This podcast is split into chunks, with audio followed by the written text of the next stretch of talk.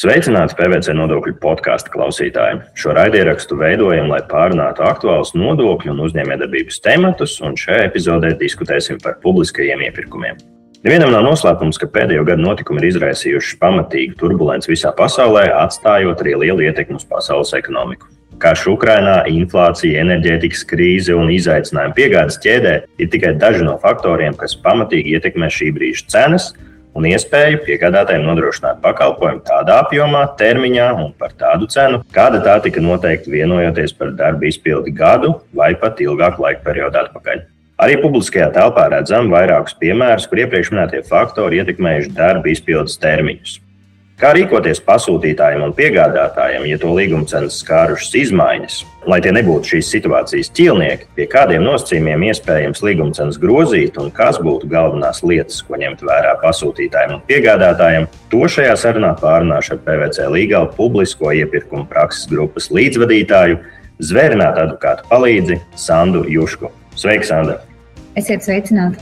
Sanda, pēdējā laikā bieži dzirdam izskanam jautājumu par to, kā rīkoties pasūtītājiem situācijā, kad iepirkumu līgums ir noslēgts pirms inflācijas, un tagad inflācija ir tik liela, ka izpildītāji vai piegādātāji vēršas pie pasūtītāja ar lūgumu būtiski palielināt līguma cenu. Saki, lūdzu, kā rīkoties šādā situācijā, ja iepirkums ir ticis noslēgts pirms šī izmaksu sadārdzinājuma? Šis patiešām ir jautājums, ko pēdējā laikā nākas dzirdēt ar vien biežāk. Un um, šī ģeopolitiskā situācija saistībā ar kara darbību Ukrajinā un pret Krieviju un Baltkrieviju ieviestās uh, sankcijas ir radījuši būtisku cenu pieaugumu, kas apgrūtina vai pat padara neiespējamu izpildīt noslēgtos iepirkuma līgumus. Ir īpaši tos, kas noslēgti pirms šīm trājām cenu izmaiņām, un kuras abas divas puses, proti, šis pasūtītājs un piegādātājs, nevarēja paredzēt. Nu, lūk, un attiecīgi tie publiskie iepirkumi, kam finansējums tika noteikts pirms minētajiem apstākļiem, kā arī publiskie iepirkumi līgumi, kur piegādātājs piedāvājumu iesniedz atbilstoši citai, proti, lētākai cenu veidošanās politikai, ir atrapušies situācijās, kur līguma saistība izpilde atbilstoši pirms kara esošajām cenām nav iespējams izpildīt. Lai atbildētu uz jautājumu, principā būtu jāizdala divas situācijas. Piegādātāji ir iesnieguši piedāvājumus, respektīvi, ir izsludināts iepirkums pirms sākās karš Ukrajinā, un ir iesniegts šis piedāvājums.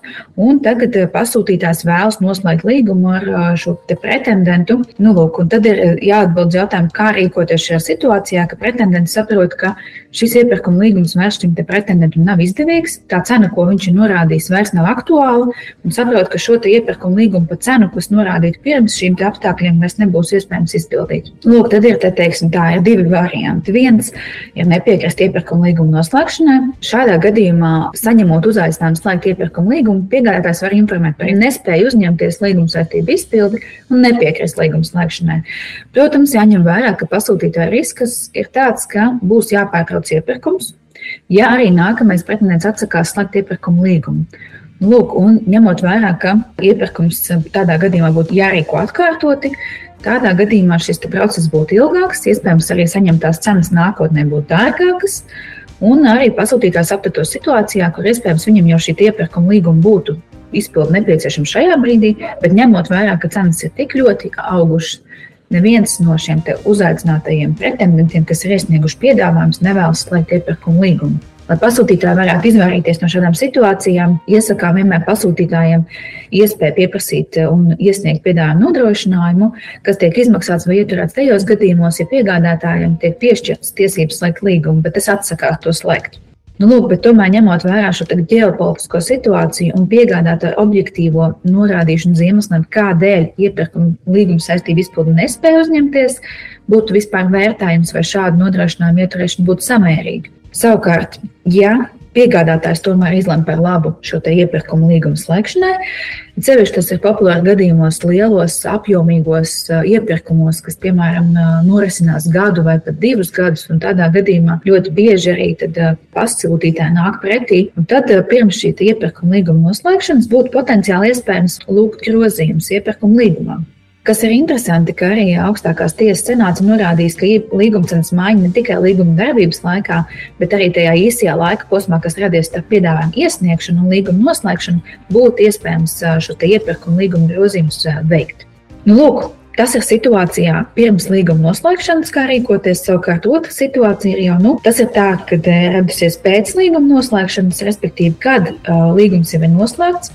Tad, attiecīgi, piegādātājiem pakalpojumu sniedzējiem ir divas situācijas. Iespējas, respektīvi, vērsties ar lūgumu veikt līguma cenas izmaiņas līgumā, vai vienpusēji izbeigt līgumu. Abām šīm iespējām savi priekšnosacījumi un arī riski. Vienpusēji atkāpšanās no līguma ir tāda situācija, kad šis pasūtītājs vai pretendents saprot, ka līgums ir uh, noslēgts, bet šī iepirkuma līguma izpilde vairs nav iespējama vai arī nav vēlama. Te jānorāda uz civila likuma 1587. pantu, kas nosaka paktas un servānu principu, kas principā nozīmē to, ka līguma ir jāpilda un vēlāk uzņemtās saistības un arī grūtības nedrīkst būt šķērslis šī iepirkuma līguma pildīšanai. Un papildus arī Latvijas civillikums paredz to, ka vienpusē atkāpšanās no līguma pieļaujama tikai tādās situācijās, kad tās pamatots ar pašu līguma raksturu. Proti, līgumā ir paredzēti noteikumi, kuros gadījumos ir iespējams atteikties no šī iepirkuma līguma, vai arī to atļauj likums. Bet šeit jāņem vērā, ka Latvijas likums ir ļoti um, stingrs šajā situācijā, un šo situācijas, kurās varētu pēc likuma atkāpties, ir ļoti, ļoti retas un, es pat teiktu, tiesu praksē ļoti maz um, izpētītas. Ja mēs runājam par um, šo atkāpšanos, ko paredz līgumā, tad ir jāskatās, uh, kas ir šīs problēmas, kas ir radušās iepirkuma līguma izpildes. Proti, uh, šie riski ir ne tikai pašam pasūtītājam, bet arī piegādātājiem, arī pakalpojumu sniedzējiem. Proti, ja piegādātājs nespēja uzrādīt objektīvus un izvērstus pamatojumus, kā minētie apstākļi tiešā veidā ietekmē šo iepirkuma līguma saistību izpildi, tad pasūtītājs var pieprasīt arī zaudējumus, ja pretendents atsakās pildīt iepirkuma nosacījumus cenu pieauguma dēļ, piemēram. Savukārt, um, šāda veida atkāpšanās no iepirkuma līguma pasūtītājiem nozīmē to, ka jāveic atkal jauns iepirkums, uh, jāveic šī jauna konkursa rīkošana, kas ir atkal laiks un resursi. Un tas arī nozīmē, ka iespējams, ka šīs preces un pakalpojumu saņemšana tiks paildzināta.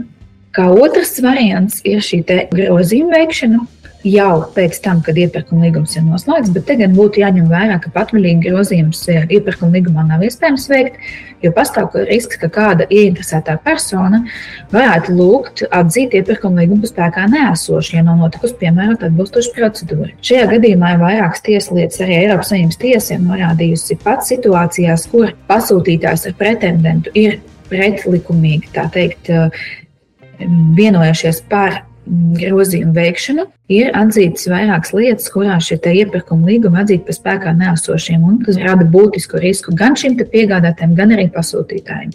Pēc tevis, nu, teikt, tā izklausās, ka tā ir tāda balansēšana uz tāda šaura tiltiņa abām pusēm. Saki, pie kādiem eh, nosacījumiem līguma cenu vai citus līguma nosacījumus var grozīt? Te ir jāņem vērā, ka līguma cenas grozījumi ir iespējami tikai divos gadījumos. Proti, tie ir būtiski grozījumi vai nebūtiski grozījumi. Nebūtiski grozījumi ir tādi grozījumi, kuri neradītu vai samazinātu risku par šiem, ko es jau minēju, par to, ka kāda trešā persona varētu vērsties.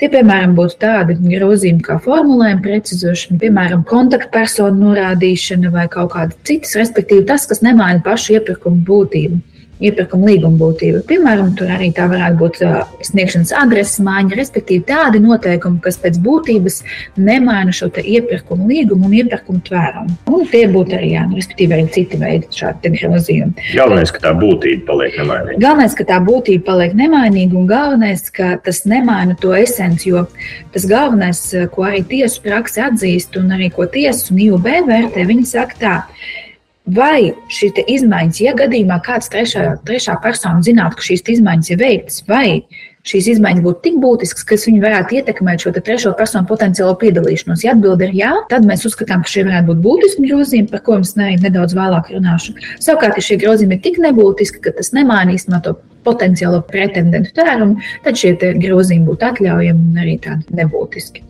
Te arī jāņem vērā tas, ko es minēju par formulējumiem, bet ir arī tādas eh, situācijas, kad nebūtiski grozījumi ir šie tā saucamie grozījumi, kuriem būtiskums nav jānovērtē. Šis te, kas nesasniedz de minimis, eh, kas ir 10 eh, vai 15% no sākuma tās līguma cenas un minus kabineta noteikumos slēgšņu gadījumos. Nu, lūk, un tad, tad šie grozījumi, kuriem nebūtu jāvērtē būtiskums, ir tādi, ja tie nemaina līguma vispārējo raksturu, veidu, iepirkuma procedūras dokumentos noteikto mērķi un tiek izdarīts saskaņā publisko iepirkumu likumā 61. panta 5. daļā minētajā gadījumā. Tātad arī šajā gadījumā, ja piemēram šis sadārdzinājums ir radies piemēram arī kara darbības Ukrainā dēļ, bet piemēram šis sadārdzinājums ir šo sliekšņu ietvaros, nu, tādā gadījumā pasūtītājs un pretendents varētu vienoties par grozījumu veikšanu bez būtiskiem riskiem. Savukārt, ko es jau minēju par otru situāciju, šie ir tie būtiskie līguma grozījumi.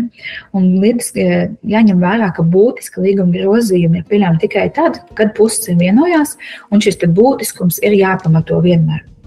Proti, pusēm ir tiesības vienot par līguma termiņu pagarināšanu, līguma cenas pārskatīšanu, kā arī citiem nepieciešamiem grozījumiem. Tā skaitā arī iepirkuma līguma tvērumu mainīšana, bet jāņem vērā, ka tas tvērumu mainīšana nevar būt tik liela, ka tā mainītu pilnīgi visu iepirkuma līguma raksturu.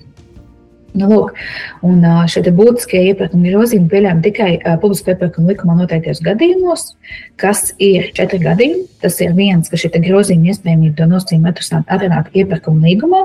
Tas nozīmē, ka abām pusēm ir tiesības arī pats pasūtītājs, tad, kad viņš jau izsludina iepirkuma procedūru, izstrādājot iepirkuma līgumu, var jau paredzēt vai pēc pieredzes ņemt vērā, kāda veida, piemēram, grozījumi būtu iespējami jau līgumā.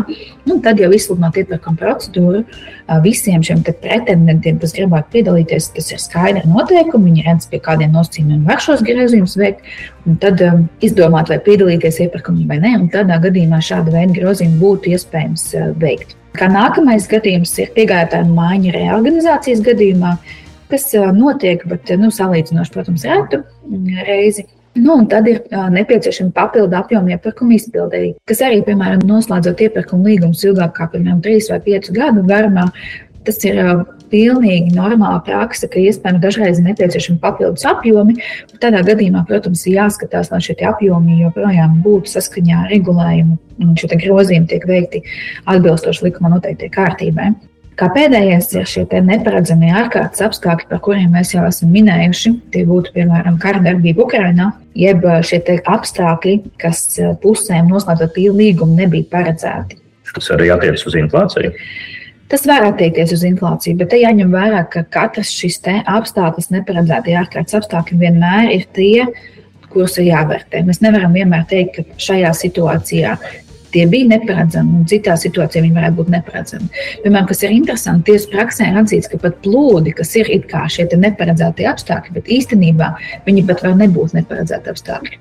Jo šos plūdus iespējams ir paredzēti, un tāpēc arī var izvairīties no tiem sakām, kas ir interesanti. Jo klasiskā izpratnē juridiski, juridiski plūdi būtu uzskatāmi par neparedzētiem apstākļiem.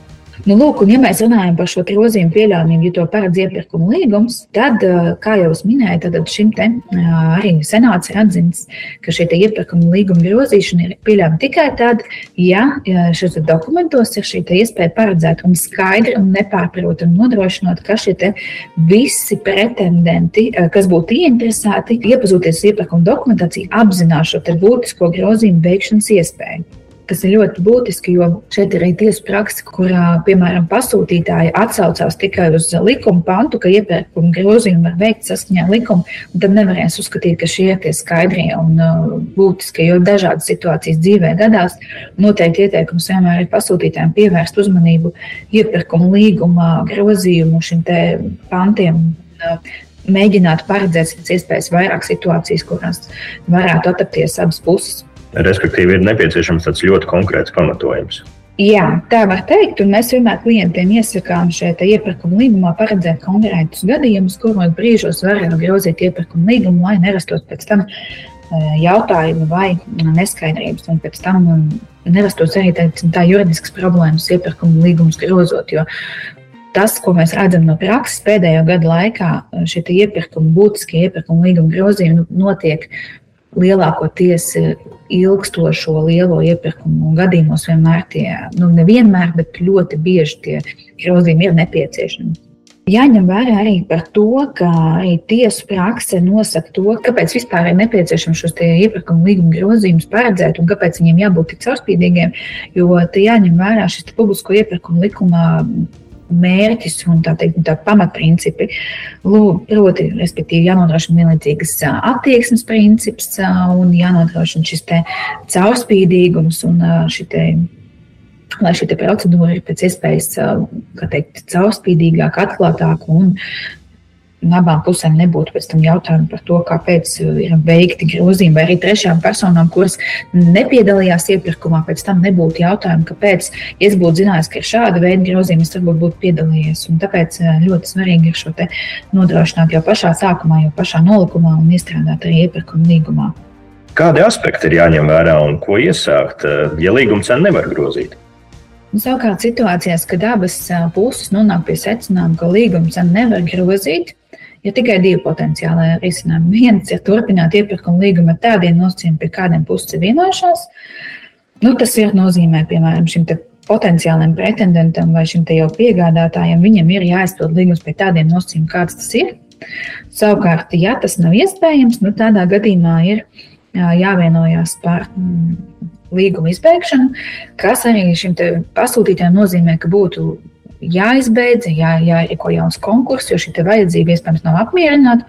Un tādā gadījumā arī būtu jāvērtē šis līguma izbeigšanas pamats un arī sekas, protams, vai līguma iespējams izbeigt, vai tā izpildu vispār ietekmējuši kaut kādi ārkārtas neparedzēti apstākļi, kas ir ļoti būtiski, jo šeit mēs runājam par jau šo vainu vai šiem zaudējumiem. Piemēram, kā jau sākotnēji minēju, situācijā iepirkuma līgumu vienkārši izbeigt šis piegādātājs jau pasaka, paldies, bet es vairs nevaru šo iepirkuma līgumu izpildīt. Mums īsti nav līgums, neparedz veidu, kā atkāpties, bet es atkāpjos. Tad tas ir šis klasisks gadījums, kad pasūtītājs var lūgt piedzīt zaudējumus. Jo, protams, ka arī pasūtītājs ir investējis laiku, ir investējis resursus, lai šo iepirkumu vispār rīkotu un arī iepirkuma līgumu izpildītu. Iespējams, ka iepirkuma līguma izpildība ir sākusies, un tagad nomainīt šos te, teiksim, izpildītājus ir tik dārgi, kad pasūtītājiem rodas zaudējumi. Protams, ka pasūtītājiem nevēlas pārāk vērsties tiesā, jo tas nozīmē, ka viņiem ir jātērē atkal resursi, jā, varbūt jāpieaicina kādi speciālisti un jā, jāpierāda šo zaudējumu esamību. Tāpēc šeit ir runa par šiem vainas apstākļiem. Savukārt, ja šo iepirkuma līgumu izpildi ir ietekmējuši ārkārtas neparedzēti apstākļi vai force majeure, šeit mēs varam runāt arī par atbrīvošanu no vainas, kas ir ļoti būtiski no šāda izpildītāja skatu punkta. Protams, kas jāņem vērā un kas varētu tikt uzskatīti par šiem neparedzamajiem ārkārtas apstākļiem. Vai, piemēram, finanšu krīze var uzskatīt kā neparedzamas ārkārtas apstākļus? Šeit ir mums augstākās tiesas spriedums, kurš ļoti skaidri pasaka, ka par šiem neparedzētiem ārkārtas apstākļiem tiek uzskatīti tādi apstākļi, kurus objektīvi, objektīvi pievēršoties attiecīgiem jautājumam, pienācīga rūpība nav iespējams paredzēt. Savukārt tādi apstākļi, kas neatbilst parastajai kārtībai un kurus tiešām puses nevarēja paredzēt. Nu, šajā gadījumā, piemēram, arī būtu jāvērtē, vai karu Ukrainā pirms noslēdzot līgumu tu vari paredzēt vai nevari paredzēt. Nu, visdrīzāk, jautājums atbild būtu, ka droši vien, ka nē. Protams. Bet tā kā es arī iepriekš minēju, piemēram, par šiem plūdiem, ka, piemēram, jau meteorologi jau paredzējuši, ka šie plūdi būs, un iespējams, ka šāda veida apstākļus varētu paredzēt. Bet tas, protams, katrā situācijā jāvērtē atsevišķi. Nu, lūk, un šajā gadījumā, kad ir šīs neparedzējumie ārkārtas apstākļi, tad šim piegādātājam ir tiesības vērsties ar lūgumu pie pasūtītāja par līgumsens pārskatīšanu. Bet, um, Te jāņem vērā, ka šiem piegādātājiem ir pienākums šo lūgumu pamatot un arī pierādīt ar apstākļiem un dokumentiem, kā šie neparedzētie apstākļi ietekmē līguma saistību izpildi. Piemēram, ja sācies karš Ukrainā, es nevaru pateikt, ka, piemēram, ja man ir jāpiegādā datoru uz balviem, ka šis karš Ukrainā ietekmē manu līguma saistību izpildi. Potenciāli, ja man datori tiek ražoti Ukrainā, tajā teritorijā, kur notiek karš, jā, es varu pamatot, ka šis tādā veidā es nevaru ietekmēt, piemēram, izpildi. Vai kādas, piemēram, šo datoru sastāvdaļas? Vai, piemēram, jā. Tad tādā gadījumā es varētu mēģināt. Savukārt, tikai tas, ka ir sācies karš, tas nebūtu pamatots iemesls, lai veiktu šādus būtiskus iepirkumu grozījumus neparedzētu ārkārtas apstākļu dēļ. Neskatoties, piemēram, ja tas ir radījis kādus ierobežojumus piegādes ķēdē un, un nav pieejami vienkārši iespēja piegādāt šos datorus noteiktā termiņā, lai gan arī tie nav ražoti, piemēram, šajā gadījumā Ukrainā, bet citur. Tad ir vienkārši novērojama aizkavēšanās. Tas nebūs kā pamatots arguments, lai. Nevienmēr, nē. Pārskatīt. Tur noteikti jāvērtē, vai tiešām šis, te, kas ir objektīvais iemesls, kāpēc uh, pretendents vai šis jau piegādātājs tajā brīdī, kad tu iesniedz piedāvājumu, tu esi tirgus dalībnieks, kurš ir pieredzējis, kurš zina, um, ka, piemēram, var rasties šāda veida aizkavējumi. Tad, tādā gadījumā, tu jau iesniedzot piedāvājumu, tu jau rēķinies, vai respektīvi, tu jau piega, piedāvā tādu piedāvājumu, ko tu domā, ka tu varēsi izpildīt. Tajā brīdī, kad rodas kāda apstākļa, kurus tu neparedzi, nu, tādā gadījumā tur noteikti būtu jāvērtē, vai šie ir tie neparedzētie ārkārtas apstākļi vai nē. Bet te arī jāņem vērā, ka vienmēr līguma iepirkuma līgumu nevarēs grozīt, un arī um, saskaņā ar IUB vadlīnijām šim pasūtītājam pašam ir aktīva loma tajā līguma vadībā. Un, uh, Šajā uh, situācijā arī pats pasūtītājs aktīvi lemj par līguma izpildes nodrošināšanas turpināšanu. Un, um, saskaņā ar šo IUB praksi um, šis līguma cenas uh, palielina, šis lūgums no piegādātājiem nevar būt formāls. Jo tas, ko mēs ļoti bieži redzam, ir nosūtīta vēstule, kur pasaka, piemēram, ir sācies vai Covid-19, vai, piemēram, karš Ukrainā. Lūdzu, mēs varētu, ja, piemēram, šos te termiņus grozīt. Nu, šādā gadījumā Es parasti teiktu pasūtītājiem, ja tas būtu mans klients, ka nu, šis nebūtu pamatots uh, lūgums. Tur noteikti būtu jābūt uh, izvērsti, kāpēc, pamatots ar dokumentiem. Un tikai tādā gadījumā mēs varētu vispār runāt par to, kādā gadījumā mēs varētu grozīt šo iepirkumu līgumu. Tas otrs jautājums bija par to, vai krīze varētu tikt uzskatīta par neparedzētiem ārkārtas apstākļiem. Tie ir interesanti, ka ir sanācis spriedums, kurš atzina, ka krīze nav uzskatāma par ārkārtas apstākļiem, kas eh, būtībā arī iet kopā ar mūsu cenu straujo pieaugumu. Un, nu, tādā gadījumā, jā, bet ņemot vērā, ka mūsdienās viss attīstās, mēs nezinām, kā būs tiesa praksa. Jums nav neviena šobrīd vēl sprieduma, vismaz es neesmu atradusi vēl, kurš būtu tieši runājis par šo Covid, Covid-19 gan ir.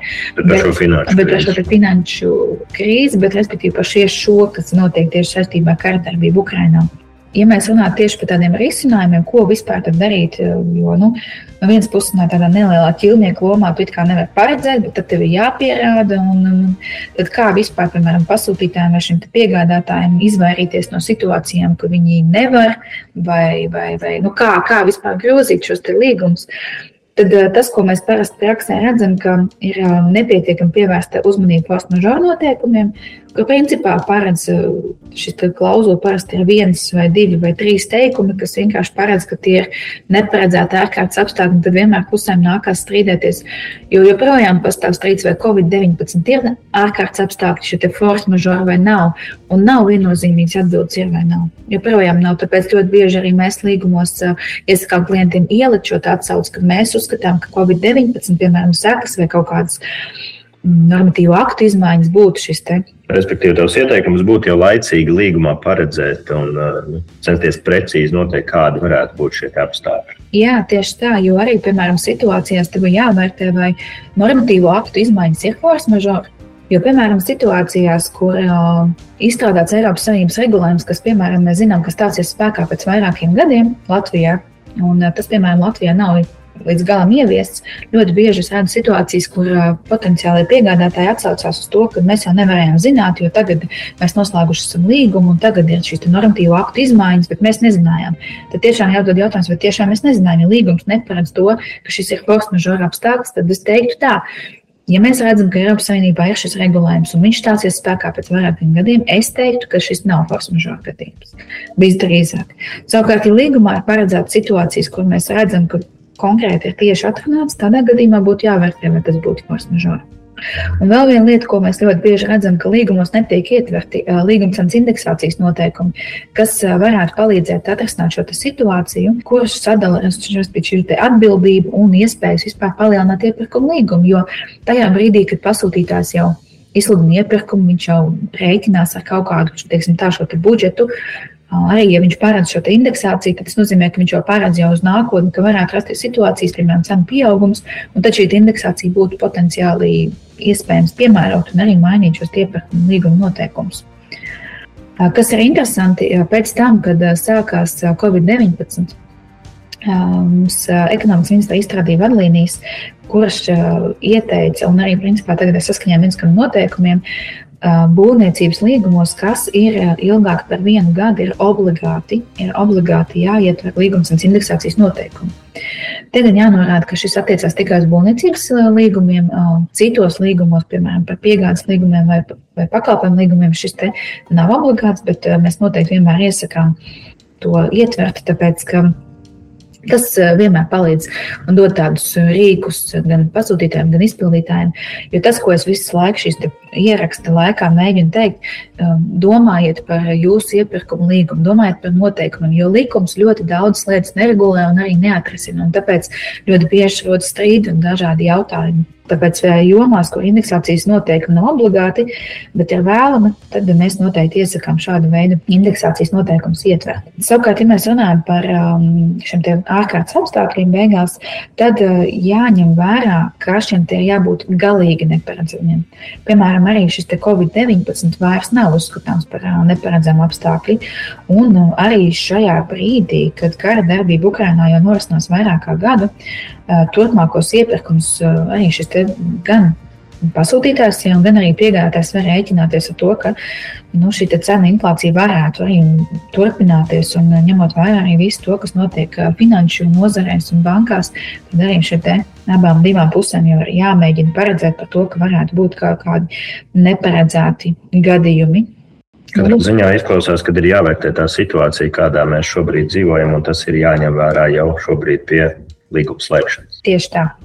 Paldies, Sandra, tev par šo informatīvo sarunu un tavām atbildēm uz jautājumiem. Klausoties tavā stāstījumā, manuprāt, es piekritīšu, ka katrs eh, šāds moments ir izaicinošs, bet es domāju, ka tas arī mums eh, māca virkni lietu un ļauj to procesu sakārtot uz nākotni. Atgādināšu, ka šodien par līguma cenas izmaiņām inflācijas periodā runājām ar PVC Līgalu publisko iepirkumu prakses grupas līdzvadītāju, zvērnātu advokātu palīdzi Sandu Juškovu. Aktuālās PVC nodokļu podkāstu epizodes meklējiet mūsu mājaslapā www.pvc.lv vai straumēšanas vietnē Spotify. Mans vārds ir Kalvis Gavers. Paldies, jums, ka klausījāties un uz tikšanos nākamreiz. Visu labu!